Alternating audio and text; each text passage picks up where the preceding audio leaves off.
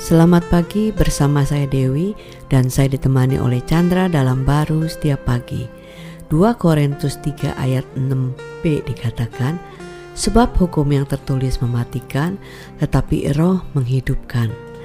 Nah kita lihat dari ayat ini ada dua perbedaan yang hidup yang berbeda jauh banget. Satu memberikan mematikan, yang satu memberikan kehidupan. Apa pun yang kita lakukan, baik itu pelayanan, baik itu mengasihi, kalau sumbernya dari uh, hukum atau tuntutan pasti memberi kematian ya.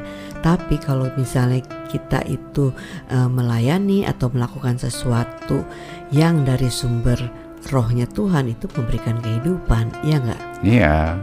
Ya, ini dua kehidupan yang sangat berbeda ya. Betul. ya. Satu memancarkan kematian, yang satu memancarkan satu kehidupan. kehidupan. Kita sih maunya yang hidup ya. Betul. ya. Tapi sebenarnya manusia nggak bisa lepas ya dari kematian hmm. karena kejatuhan daripada Adam ya hmm. yang pertama tadi itu. Nah, sejak pertama sebenarnya udah ada hukum. Hmm. Jangan makan itu buah pengetahuan baik, baik dan, buruk. dan buruk. Cuma satu.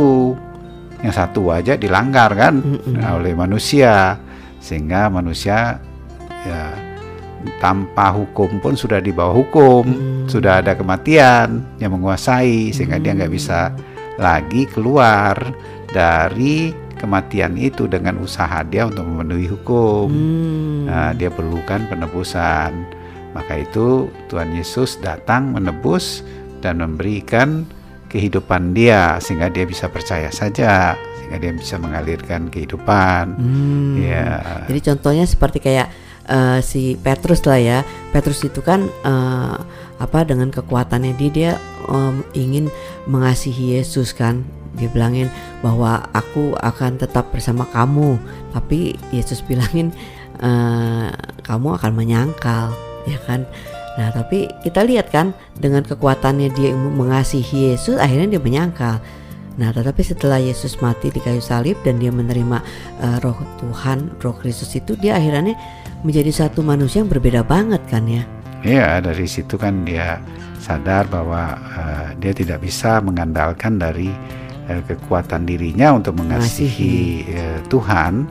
Uh, bahkan dia bisa mengatakan mau mati, bahkan yang terjadi adalah menyangkal. Hmm. Tapi ketika dia menerima rohnya itu, tentunya dia tidak lagi uh, bersusah payah untuk mengasihi dia. Tuhan, tapi kasih itu sendiri uh, bisa diekspresikan dengan mengasihi Tuhan sekalipun dia uh, diancam mati. oleh kematian, hmm. tidak ada yang menakutkan dia. Wow. Kasih itu lebih besar dan roh itu lebih besar. Itulah yang dia andalkan dari apa yang dia sudah alami kehidupan yang lamahnya diandalkan dari dirinya, yang kehidupan barunya diandalkan dari kekuatan rohnya.